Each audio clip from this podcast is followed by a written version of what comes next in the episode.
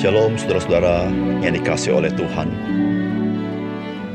Salah satu ciri daripada orang yang memiliki hikmat adalah yaitu dia memiliki satu kemampuan untuk membedakan.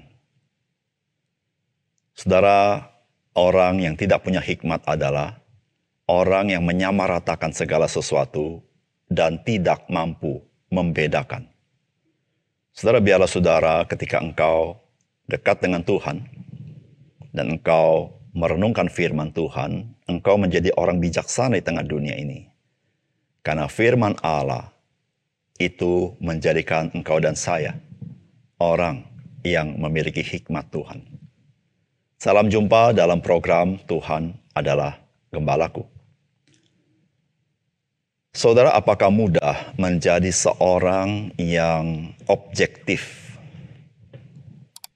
Tentu, mungkin saudara pernah berkata, saya seorangnya objektif. Puji Tuhan.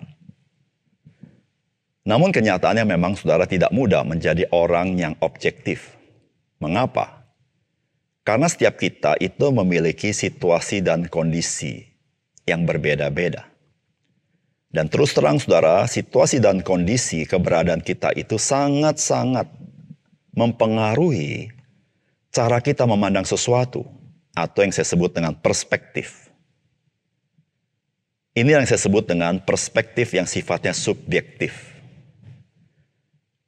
Ketika saudara melihat situasi tertentu, peristiwa tertentu, saudara kita tidak bisa menilai peristiwa itu sebagaimana peristiwa itu, tetapi ada persepsi yang sifatnya subjektif kita.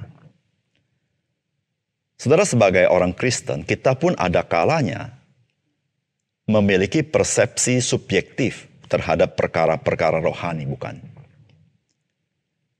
Misalnya kita memiliki ekspektasi yang sebenarnya bukanlah yang dijanjikan oleh firman Allah. Saudara berapa banyak orang Kristen yang membentuk sendiri pemahamannya akan firman Allah yang dia baca. Bukan firman Allah yang membentuk pemahamannya. Saudara semuanya itu terjadi karena orang Kristen ketika membaca firman, dia telah dibikin frame dalam pikirannya Frame itu adalah situasi dan kondisinya. Sehingga ketika dia melihat firman Allah, dia memikirkan apa yang dia pikirkan. Nah, saudara yang kasih dalam Tuhan. Oleh karena itu, sebagai orang percaya, ketika kita membaca firman, mari kita merendahkan diri hadapan Tuhan. Mari kita menanggalkan lebih dahulu situasi kondisi kita. Supaya kita bisa dengan cermat, dengan pertolongan roh kudus, memahami apa yang Tuhan ingin pesankan kepada kita dari bagian firman Tuhan itu. Saudara, ini juga yang menjadi kesulitan bagi pemimpin-pemimpin agama pada zaman Tuhan Yesus. Saudara, mari kita membaca firman Tuhan dari Lukas pasal 17 ayat 20 sampai dengan 37. Atas pertanyaan orang-orang Farisi, apabila kerajaan Allah akan datang, Yesus menjawab, katanya, Kerajaan Allah datang tanpa tanda-tanda lahiriah.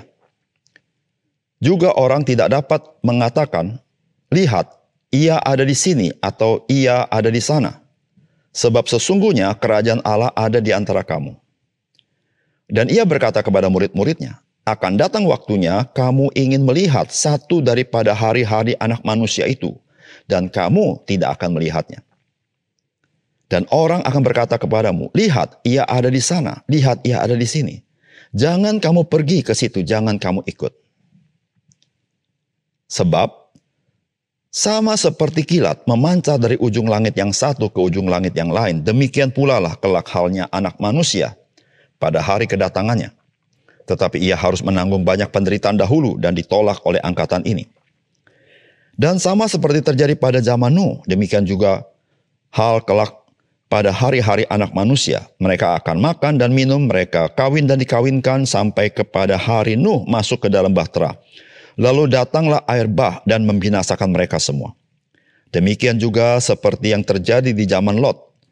Mereka makan dan minum, mereka membeli dan menjual, mereka menanam dan membangun. Tetapi pada hari Lot pergi keluar dari Sodom, turunlah hujan api dan hujan belerang dari langit dan membinasakan mereka semua. Demikianlah halnya kelak pada hari di mana anak manusia menyatakan dirinya. Barang siapa pada hari itu sedang di peranginan di atas rumah dan barang-barangnya ada di dalam rumah, janganlah ia turun untuk mengambilnya. Dan dengan demikian juga orang yang sedang di ladang, janganlah ia kembali. Ingatlah akan istri Lot Barang siapa berusaha memelihara nyawanya, ia akan kehilangan nyawanya, dan barang siapa kehilangan nyawanya, ia akan menyelamatkannya.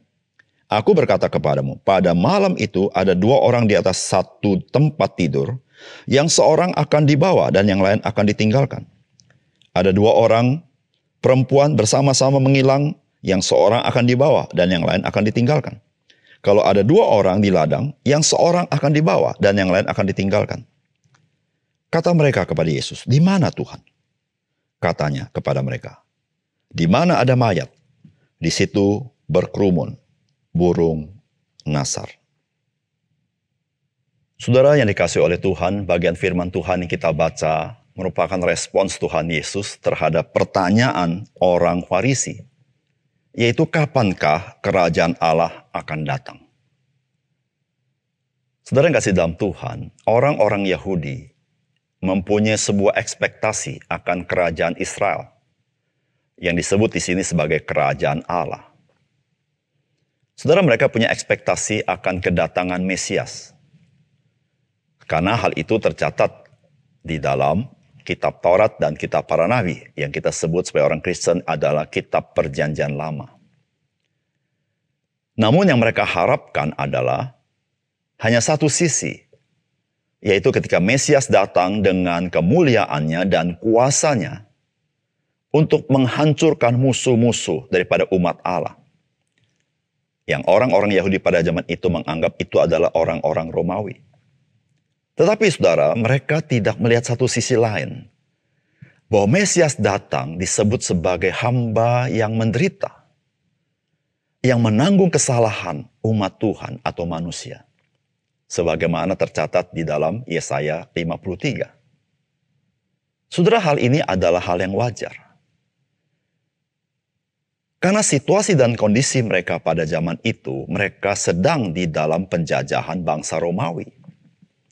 Sehingga tentu, saudara, ayat-ayat yang sangat mereka gemari, yang selalu mereka renungkan, yang mereka harapkan adalah ayat-ayat yang terkait dengan kemenangan atas musuh-musuh Ya tentu, nubuatan terkait Mesias datang dengan kemuliaan dan kuasanya dengan bala tentaranya tentunya. Namun mereka tidak terlalu concern kepada rencana Allah di mana Mesias datang sebagai hamba yang hina untuk menanggung dosa kita. Saudara inilah yang kita harus waspadai ketika kita membaca firman Allah. Jangan sampai situasi dan kondisi kita membuat kita salah paham atau kita mengabaikan bagian firman Tuhan yang lain sehingga pesan firman Tuhan tidak sampai kepada kita. Setelah apakah pesan firman Tuhan dari bagian yang kita baca hari ini? Yang pertama, kedatangan kerajaan Allah tidak disertai tanda-tanda lahiriah. Karena kerajaan Allah itu ada di tengah-tengah kita atau ada di dalam kita, yaitu di dalam Yesus Kristus. Saudara, kedatangan Yesus Kristus yang pertama kali 2000 tahun yang lalu itu merupakan kedatangan kerajaan Allah. Sehingga kerajaan Allah tidak dimengerti sebagai sesuatu yang sifatnya lahiriah atau politis. Namun kerajaan Allah dipahami dan dimengerti suatu hal yang rohani. Karena itulah yang Yesus kerjakan di atas kayu salib. Yaitu supaya kita yang mati rohani. Rohani kita dihidupkan kembali. Supaya kita ini binasa karena dosa. Kita boleh mendapatkan hidup yang kekal. Dan itulah yang Tuhan Yesus katakan kepada orang-orang yang bertanya kepada dia. Tuhan Yesus katakan kerajaan Allah datang tanpa tanda-tanda lahiriah. Juga orang tidak dapat mengatakan, lihat ia ada di sini atau ia di sana. Sebab sesungguhnya kerajaan Allah ada di antara kamu. Saudara-saudara, kedatangan Yesus 2000 tahun yang lalu adalah awal kerajaan Allah di tengah-tengah dunia ini. Yaitu di dalam diri orang-orang percaya. Saudara, roh kudus bekerja sampai hari ini, sampai Tuhan Yesus datang kembali yang kedua kali. Saudara dengan kuasa yang luar biasa melahirkan baru seseorang. Sehingga benarlah apa yang Yesus katakan kepada Nikodemus bahwa tidak mungkin seseorang melihat kerajaan Allah jikalau ia tidak dilahirkan kembali. Tidak mungkin seseorang dapat masuk ke dalam kerajaan Allah jikalau dia tidak dilahirkan oleh air dan roh. Saudara, inilah zamannya. Di mana seseorang kalau ingin mengalami kerajaan Allah, yaitu dia harus percaya kepada Yesus Kristus. Maka saudara, dia sendiri mengalami kerajaan Allah itu. Apakah itu saudara? Yaitu hidup yang dipimpin oleh roh kudus. Hidup yang dipenuhi roh kudus. Hidup yang penuh sukacita. Hidup yang mengalami kuasa Allah. Dan hidup yang berubah karena pekerjaan roh di dalam kita. Dan saudara di situlah saudara, kita mengalami kerajaan Allah dan kita masuk ke dalam kerajaan Allah. Bahkan kita dipakai dengan kuasa kerajaan Allah untuk memberitakan Injil kepada orang lain. Saudara kerajaan Allah sudah ada hari ini. Engkau dan saya sebagai orang percaya mengalami kerajaan Allah dan engkau ada di dalam kerajaan Allah itu. Dan biarlah kerajaan Allah terus berkembang ketika orang percaya semakin hari semakin banyak. Dan Tuhan mau memakai saudara dan saya memberitakan Injil Yesus Kristus di dalam dunia ini. Yang kedua, saudara kita harus berjaga-jaga untuk kedatangan Tuhan Yesus yang kedua kali. Karena ia datang ketika seluruh dunia menjalankan kehidupan sebagaimana biasanya. Dan jangan lupa kedatangannya dapat dilihat, disaksikan oleh seluruh dunia. Dan hari itu adalah hari penghakiman Allah dilaksanakan. Saudara yang kasih dalam Tuhan, acap kali kita sering bertanya, kapankah zaman ini berakhir atau disebut dengan akhir zaman? Saudara sering kali orang mengatakan tanda-tanda A, tanda-tanda B, dan sebagainya. Saudara memang bisa saja ada tanda-tanda seperti itu. Namun satu hal yang Yesus ajarkan pada hari ini kepada kita, supaya kita berjaga-jaga. Kenapa? Karena kedatangan Yesus yang kedua kali terjadi ketika dunia ini menjalankan kehidupannya sebagaimana biasa. Itu yang Tuhan Yesus ajarkan. Sebagaimana zaman Nuh, ketika bah itu mau didatangkan Tuhan, maka masyarakat di sekitar Nuh itu hidup seperti biasa. Hidup seperti biasa digambarkan sebagai orang menikah, makan, minum, sebagaimana juga zamannya Lot di Sodom dan Gomora. Saudara orang hidup seperti biasa, seperti tidak ada apa-apa. Di situlah saudara, kita jangan berkata begini, kalau saya melihat tanda-tanda ini, baru saya siap-siap, engkau terlambat. Karena Tuhan berkata, ketika hidupmu seperti normal-normal saja, ketika dunia ini hidup seperti normal-normal saja, hari berganti hari dengan situasi yang mirip-mirip apa yang dilakukan manusia. Saudara, tapi pada waktunya tiba, maka Yesus Kristus akan datang untuk kedua kalinya.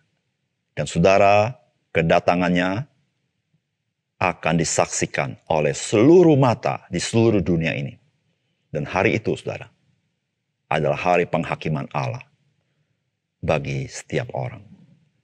Saudara, apakah saudara adalah orang yang adalah milik daripada Yesus Kristus? Engkau dimiliki oleh Yesus Kristus ketika engkau percaya menyerahkan diri saudara kepada Tuhan Yesus. Engkau adalah miliknya. Dan ketika dia datang, dia selamatkan engkau karena engkau miliknya. Tapi jika engkau bukan miliknya, engkau harus waspada. Karena kedatangan Yesus Kristus, dia menghakimi seluruh perbuatanmu. Dan engkau akan menyesal pada hari itu.